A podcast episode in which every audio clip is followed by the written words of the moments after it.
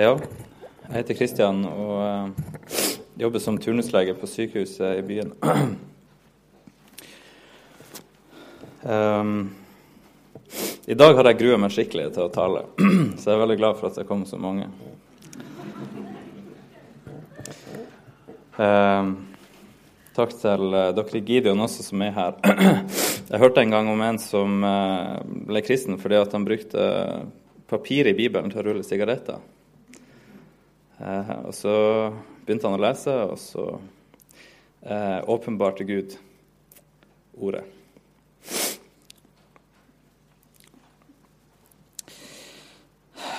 Um, uh, I dag skal jeg ikke snakke om søndagens tekst, uh, men uh, jeg skal snakke om noe annet som har vært et uh, problem for meg i kristenlivet, uh, og som jeg tror også er et problem for mange av dere. Um, jeg har vokst opp i en kristen familie, um, men når jeg begynte på videregående, så opplevde jeg at Gud uh, viste meg evangeliet for første gang. Da fikk jeg se liksom, hva det betydde for meg personlig. Og um, det var en veldig fin opplevelse. Veldig uh, sterkt. Uh, ting jeg hadde lest uh, gang på gang, hørt gang på gang. Uh, så ble sløret tatt bort. Og så Ja. Det er veldig emosjonell i dag.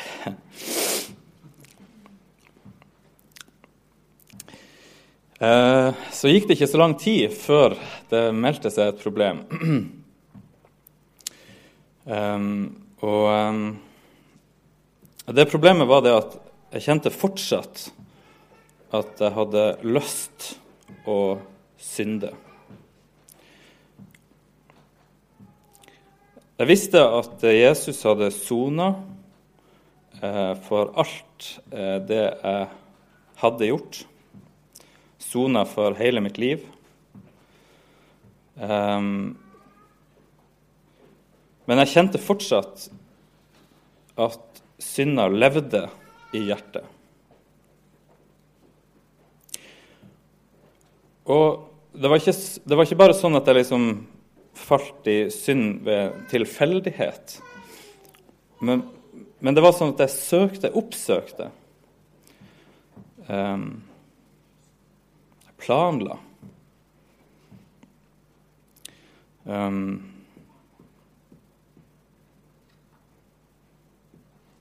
synda bodde fortsatt uh, i hjertet. Hva skal jeg gjøre med det? Og så gjorde jeg som uh, jeg tror mange gjør. Uh, og det var det at jeg tok meg skikkelig sammen. og så disiplinerte meg eh, til å lese i Bibelen, til å be, til å ikke se på jenter, til å eh, gi penger til misjon, til å ikke være egoistisk.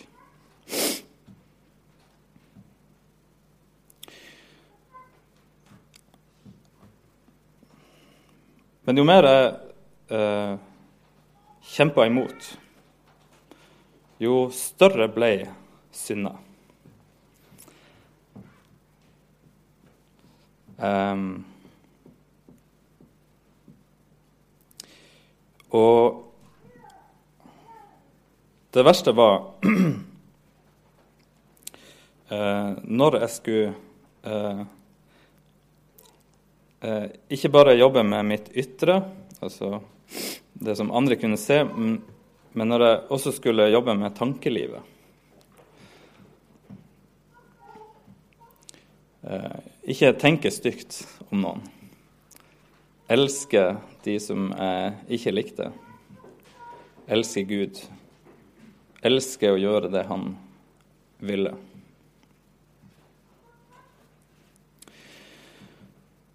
Og,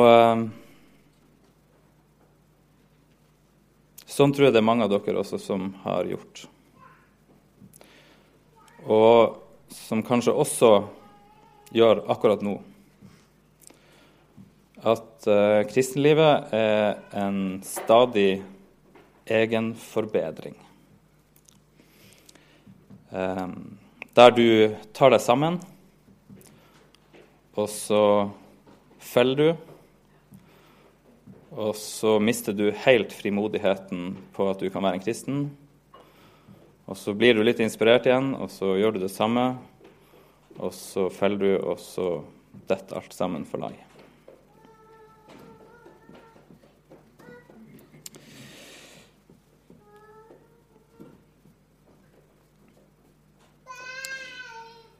Gud har uh,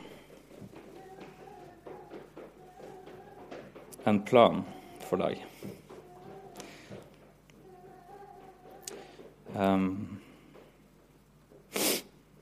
og uh, den hjelpa har han gitt i evangeliet om Jesus. Um,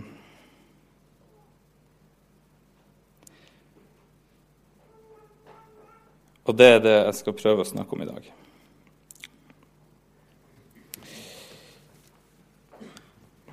Jesus sier det sånn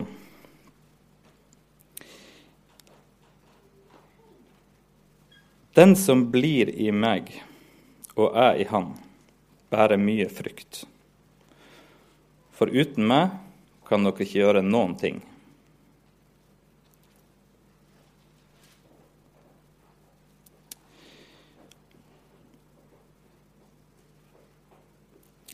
Dere har ikke utvalgt meg men jeg har utvalgt dere og satt dere til å gå ut og bære frukt, en frukt som varer.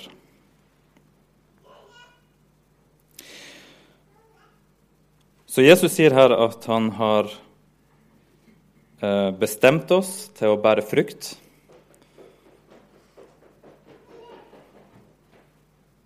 Og frukten vokser fram ikke ved at vi presser den fram, ved at vi forbedrer oss, men ved at vi kobles på Jesus. På samme måte som greina ikke kan bære frukt uten at den er kobla på treet, så kan heller ikke vi bære frukt uten at vi er kobla på Jesus.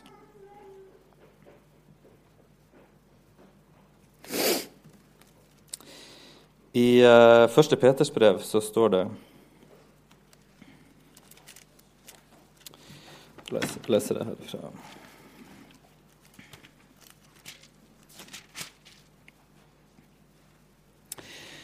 Peter Jesu Kristi apostel til de utvalgte, de som er utlendinger og er spredt omkring i Pontus, Galatia, Kappadokia, Asia og Bitynia. Og så står det utvalgt etter Gud Faders forutviten i Åndens helliggjørelse, til lydighet og til å bli renset med Jesu Kristi blod. Nåde og fred være med dere i rikt mål.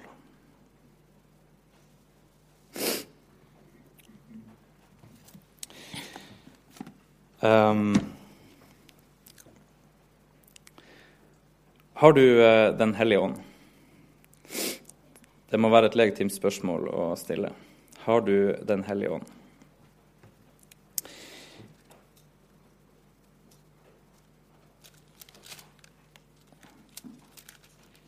Paulus eh, skriver til menigheten i Galatia sånn her.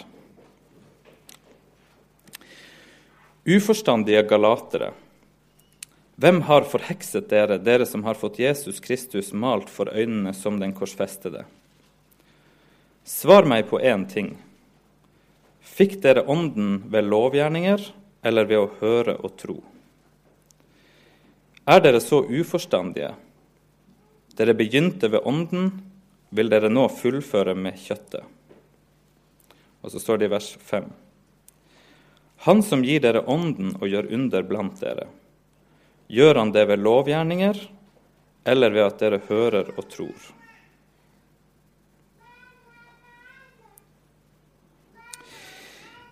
I, eh, menigheten i Galatia så hadde det sneket seg inn noen jødekristne som sa det at hvis du eh, skal være ordentlig kristen, så er du nødt til å omskjære deg. Og mange av de kristne i menigheten hadde hørt på det.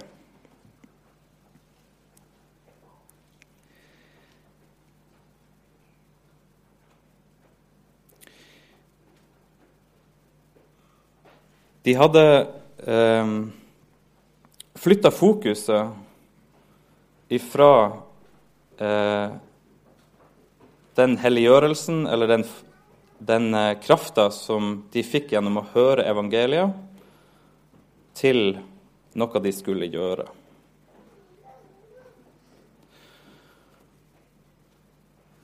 Og kanskje det har skjedd også med oss. Kanskje det har skjedd med deg. at hele ditt fokus, alt det du er opptatt av, er ditt eget liv, hvordan du sjøl skal være til behag for Gud. Men så sier Paulus at ved å høre, ved å høre evangeliet om hva Jesus har gjort, så skapes det et nytt liv i hjertet som er annerledes enn det å skulle strebe etter eh, sjølforbedrelse.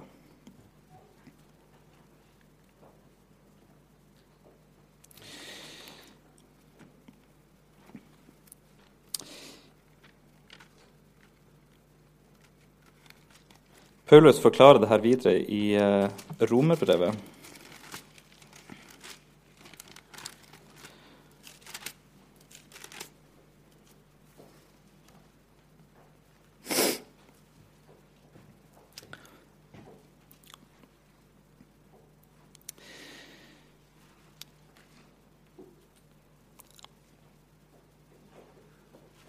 Og Vi skal lese fra eh, vers 2. Kapittel 6, vers 2. Hvordan kan vi som døde bort fra synden, fremdeles leve i den? Eller vet dere ikke at alle vi som ble døpt til Kristus Jesus, ble døpt til hans død? Vi ble begravet med ham da vi ble døpt med denne dåpen til døden. Og som Kristus ble reist opp fra de døde ved sin fars herlighet, skal også vi vandre i et nytt liv. Har vi vokst sammen med Kristus i en død som er lik hans, skal vi være ett med ham i en oppstandelse som er lik hans. Vi vet at vårt gamle menneske ble korsfestet med ham, for at den kroppen som er underlagt synden, skulle tilintetgjøres, og vi ikke lenger skulle være slaver under synden. For den som er død, er befridd fra synden. Er vi døde med Kristus, tror vi at vi også skal leve med ham. Vi vet jo at når Kristus er oppreist fra de døde, så dør han ikke mer. Døden har ikke lenger makt over ham. For døden han døde, den døde han for synden en gang for alle. Men livet han lever, det lever han for Gud. På samme måte skal dere regne dere som døde for synden, men som levende for Gud i Kristus Jesus.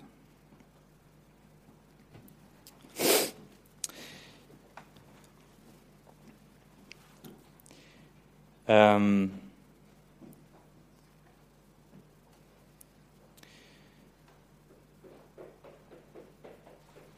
det har skjedd uh, noe katastrofalt. Det gamle mennesket, syndemennesket uh, Bibelen kaller det med mange ord kan ikke forbedres.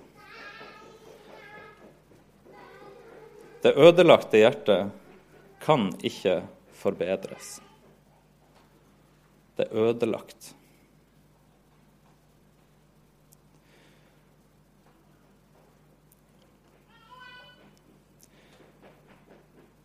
Hver eneste dag, helt til du dør, så vil du ha det her gamle hjertet med deg. Det vil aldri bli bedre.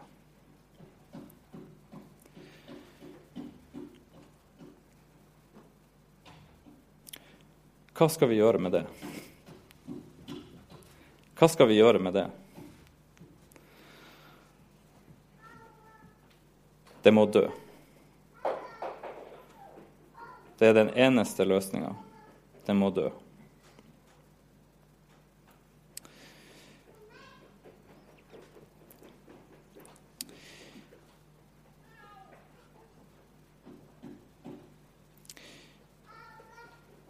Paulus sier eh, at vi er slaver under ei makt. Vi er slaver under synda.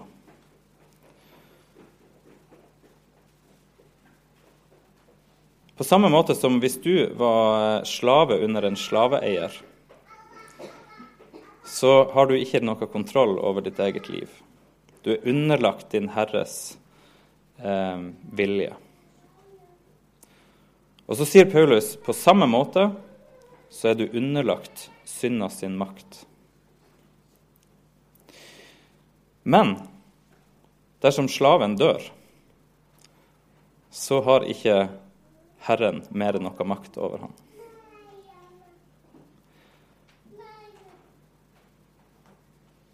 Dersom slaven eh, skulle omkomme i ei ulykke eller noe sånt, så kan eh, Herren eh, prøver å kommandere han så mye han vil. Ingen reaksjon.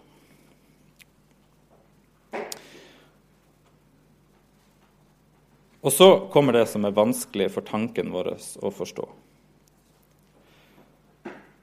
Idet du ble døpt, så forente Gud deg med Jesus på en sånn måte at når Jesus døde, så døde også du.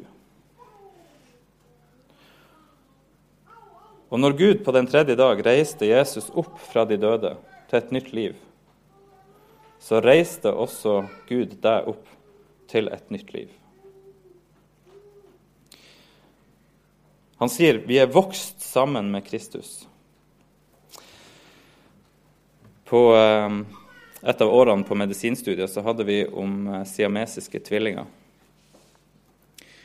Eh, det er vanlige tvillinger som i mors liv på en eller annen måte vokste sammen. Eh, kanskje i handa, kanskje i skuldra. Eh, og mange ganger så går det an å løsne de når de blir født. Men av og til så er det to personer som deler såpass viktige organer at du kan ikke eh, dele dem uten at de dør eller uten at den ene dør.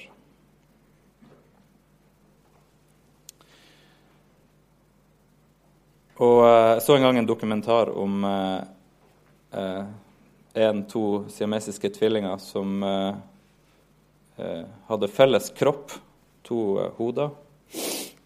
Og når den ene skulle på do, så måtte den andre på do. Og når den ene skulle på date, så måtte den andre på date. Og eh, sånn gikk det hele livet. Og til slutt, når den ene døde, så døde den andre. Gud sier at du er vokst sammen med Kristus i dåpen på en sånn måte at det som skjedde med Jesus, det skjedde også med deg. Når Jesus døde, så døde også du. Når Jesus ble oppreist til et nytt liv, så ble du også oppreist til et nytt liv. Hva er konsekvensen av det? Jo, konsekvensen er det at du er død fra synda sitt herredømme. Synda som en gang hadde deg som slave, har nå ikke lenger noe makt over deg. Du er død sammen med Jesus oppreist til et nytt liv der du nå tilhører Gud.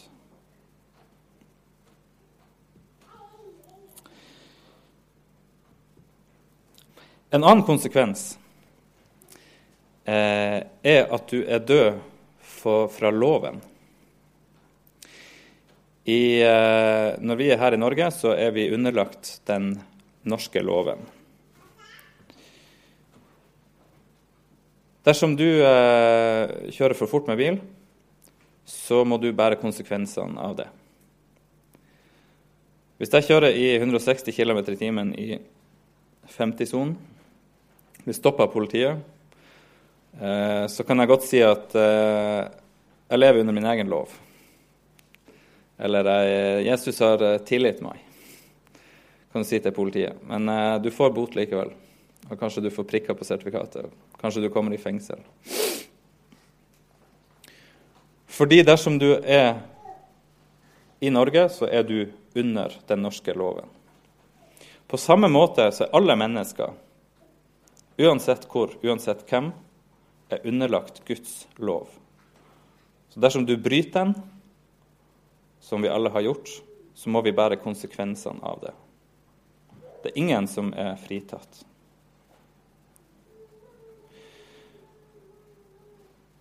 Men dersom jeg kjører så fort eh, og kjører utfor og dør, så er det ingen som kommer til å eh, stille meg opp i en rettssal. For det er ingen som eh, stiller en død framfor dommen. Han har allerede fått sin dom. På samme måte, idet Jesus døde, så døde du også Bort ifra loven sine krav, bort ifra Guds lov sine konsekvenser, bort ifra dommen. Og så er du oppreist til et nytt liv sammen med Jesus, der du er fri. Ikke, ikke sovn enda. Jeg kommer til veldig viktig nå.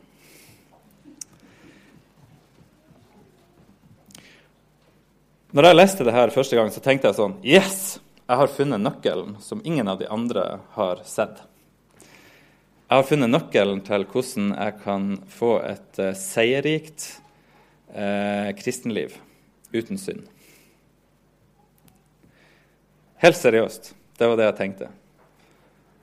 Jeg gleder meg til å fortelle det her til de andre.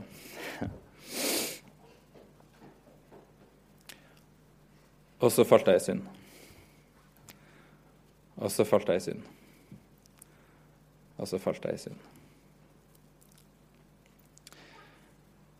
Og jeg var så skuffa, for hva hadde jeg gått glipp av?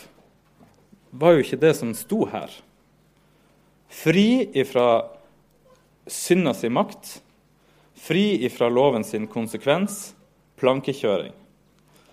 Det burde jo kunne føre til at jeg aldri mer trenger å synde, kan leve perfekt som kristen. Og så leste jeg kapittel sju. Og så sier Paulus eh, Han formulerer det som jeg har akkurat har kjent på. Og så sier han sånn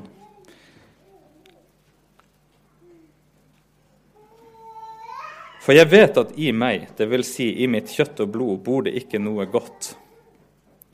Viljen har jeg, men å fullføre det gode makter jeg ikke. Det gode som jeg vil, gjør jeg ikke. Men det onde som jeg ikke vil, det gjør jeg. Men gjør jeg det jeg ikke vil, er det ikke jeg som gjør det, men synden som bor i meg. Jeg finner altså at denne loven gjelder. Jeg vil gjøre det gode, men kan ikke annet enn å gjøre det onde. Mitt indre menneske sier med glede ja til Guds lov. Men jeg merker en annen lov i lemmene. Den kjemper imot loven i mitt sinn og tar meg til fange under syndens lov som er i lemmene. Jeg ulykkelige menneske, hvem skal fri meg fra denne dødens kropp? Gud være takk ved Jesus Kristus, vår Herre slik er altså jeg. Jeg tjener Guds lov med mitt sinn, men syndens lov med mitt kjøtt og blod.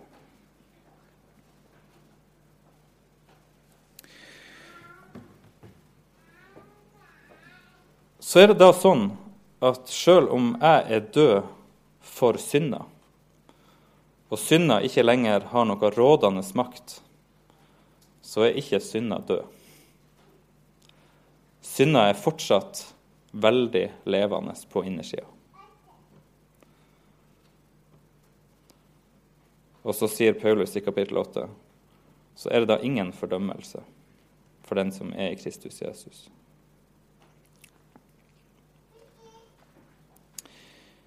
For Åndens lov som gir liv, har i Kristus Jesus gjort deg fri fra syndens og dødens lov. Det som var umulig for loven siden, siden den sto maktesløs fordi vi er av kjøtt og blod, det gjorde Gud.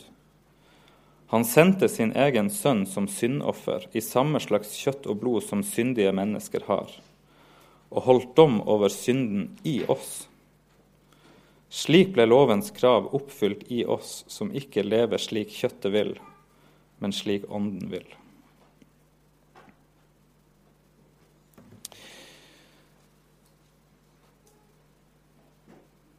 Hver dag resten av ditt liv vil synda bo i hjertet. Den vil herje, og den vil ha makt over deg. Men den har ingen fordømmende makt over ditt liv. Sjøl om den, du kjenner den hver dag, i form av at du vil begjære, at du vil være egoistisk, at du eh, gjerne ikke vil gå på møte, du vil ikke lese i Bibelen. Eh,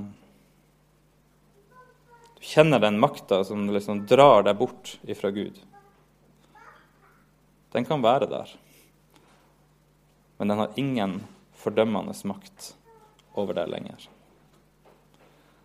Jesus har allerede tatt et oppgjør med synda i deg. Ikke bare all den synd som du har gjort tidligere, men han har tatt et oppgjør med synda i deg.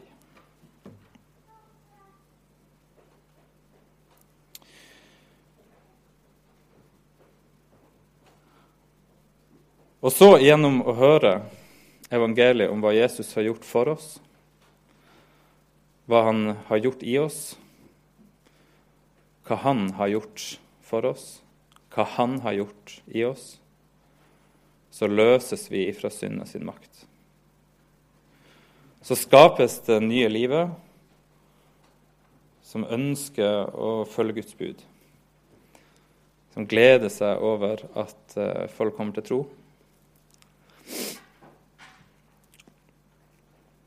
Som, eh, som lengter etter eh, å høre lengter etter Jesus.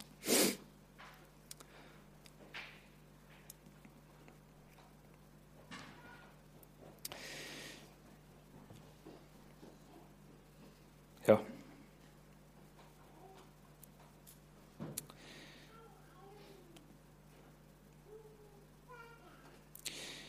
Peter um,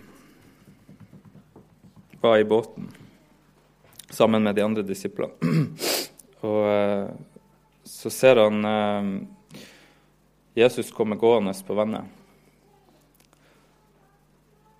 Og eh, så sier han, 'Jesus, la meg komme ut til deg.' Og så sier Jesus, 'Kom'.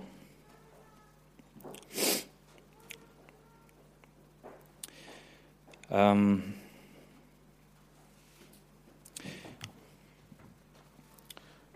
og vi vet alle at det er en tyngdekraft som eh, trekker oss eh, nedover.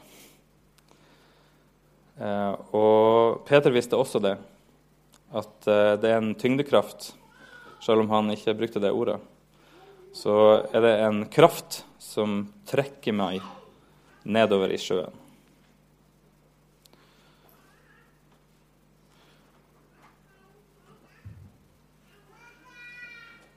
Syndens og dødens lov er en sånn tyngdekraft som trekker oss eh, imot døden. Og så setter Peter foten ut på vannet mens han ser på Jesus, og så står han på vannet.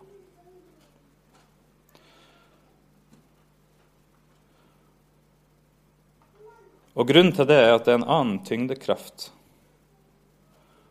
åndens lov som gir liv, som holder Peter oppe.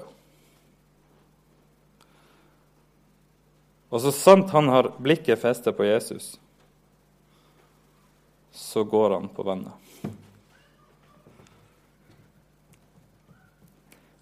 Og så gjør han som eh, mange av oss gjør. Han eh, ser rundt på stormen, på bølgene, på regnet, på alt det som naturlig sett skulle tilsi at han skulle sunke, drukne. Og så begynner han å synke. Og På samme måte så kan vi fra å ha blikket festa på Jesus, det som han har gjort for oss, det som han gjør i oss, så kan blikket vårt fort bli vendt nedover på alt som går galt. På den voldsomme krafta, syndekrafta i hjertet, som vil trekke oss ned i dypet. Og så tar Jesus eh, Peter i handa, og så sier han Så lite tro du har. Så trekker han han opp. Og på samme måte så vil Jesus trekke oss opp. Vende blikket fra oss sjøl ned på alt det som eh, eh, herjer, stormen som herjer på innsida, og opp på Han som allerede har tatt et oppgjør med alt det du har gjort, og alt det du er.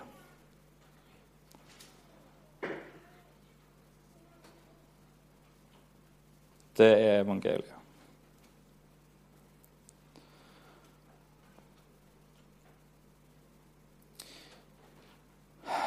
Far, jeg ber deg om at vi må få se det her. At du ved din ånd kan åpenbare det for oss.